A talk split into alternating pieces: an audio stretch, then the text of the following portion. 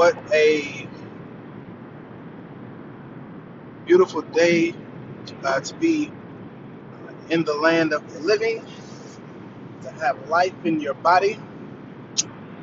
Uh, one thing that I've always heard that I truly believe as I continue to journey forward is that as long as there's life in your body, there's more purpose for you to fulfill. So, for anybody who is breathing today and you may feel unsure, uncertain, not knowing uh, what is before you, just know, trust, and believe that with life, there's more purpose for you to fulfill. You're not dead yet. There's more for you to do here in in the earth. Listen, I hope all is well with you, and that you are optimistic about what God is preparing to do in your life. My hope and desires is that you are continuing to lean into God who supplies us with grace and strength and helps us to carry on in this life. I just wanted to get on on this day, February 22nd, to remind you that you have what it takes. You have what it takes. That's it. That I believe that when God created each of us, God strategically placed what we needed on the inside of us to accomplish His will, His purpose, to establish His kingdom. And it saddens me that many people uh, do not recognize that that you have a purpose, you have an assignment by God to accomplish something great. But if we never submit to God, if we never seek Him through His Word, through prayer, through relationship, that we we we we we struggle to find out what our true identity and assignment is. God created us in His image. Therefore, He placed, He innately placed on the inside everything that we need, everything that we will have to use in this earth is already within us. And sometimes it takes for us uh, to partner with other humans, to other people, other environments to stretch us, uh, to propel us to that place where we start to uh, unfold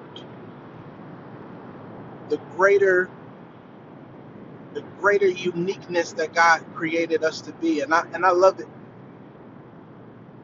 understanding that we are all humans, but yet we are different. We all have a variation of uh, various differences. We, we, we, we are human, but yet we have different giftings. We have different giftings, and in order for us to really truly understand and walk in our gifting, we have to be intentional about getting around people whose gifting is different than us.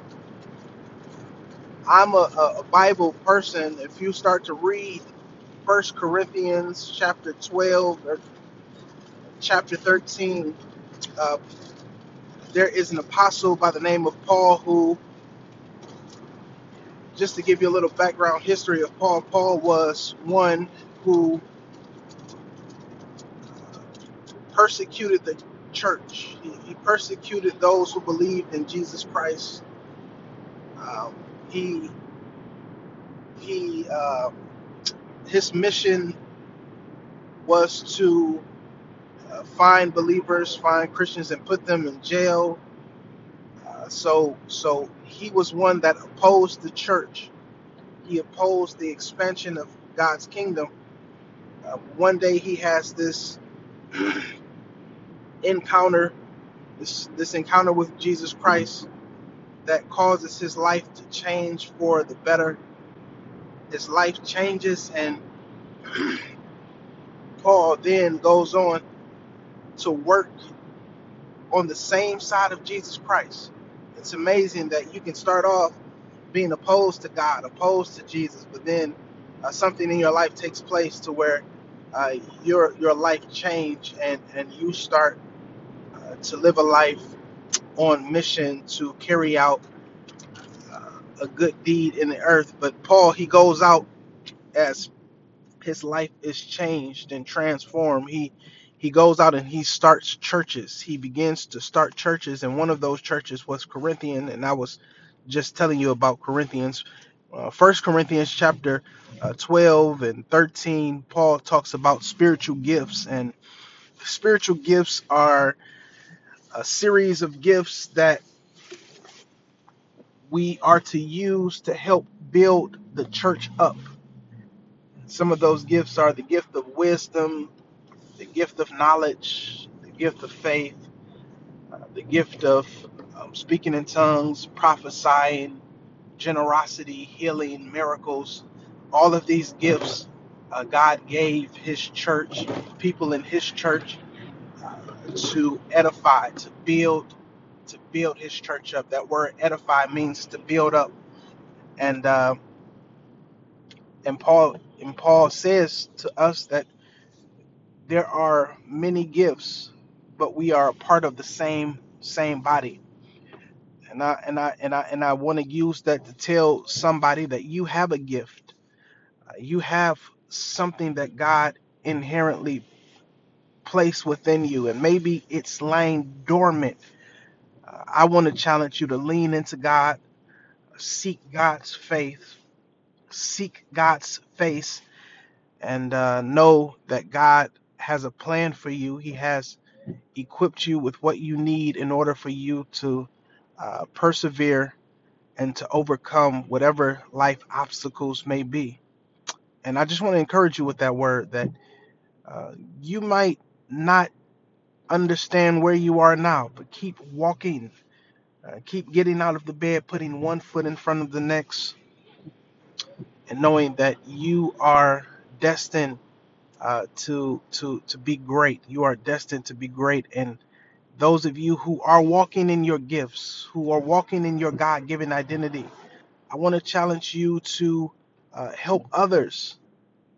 I want to challenge you to uh, be faithful enough to encourage someone else while they're on their journey.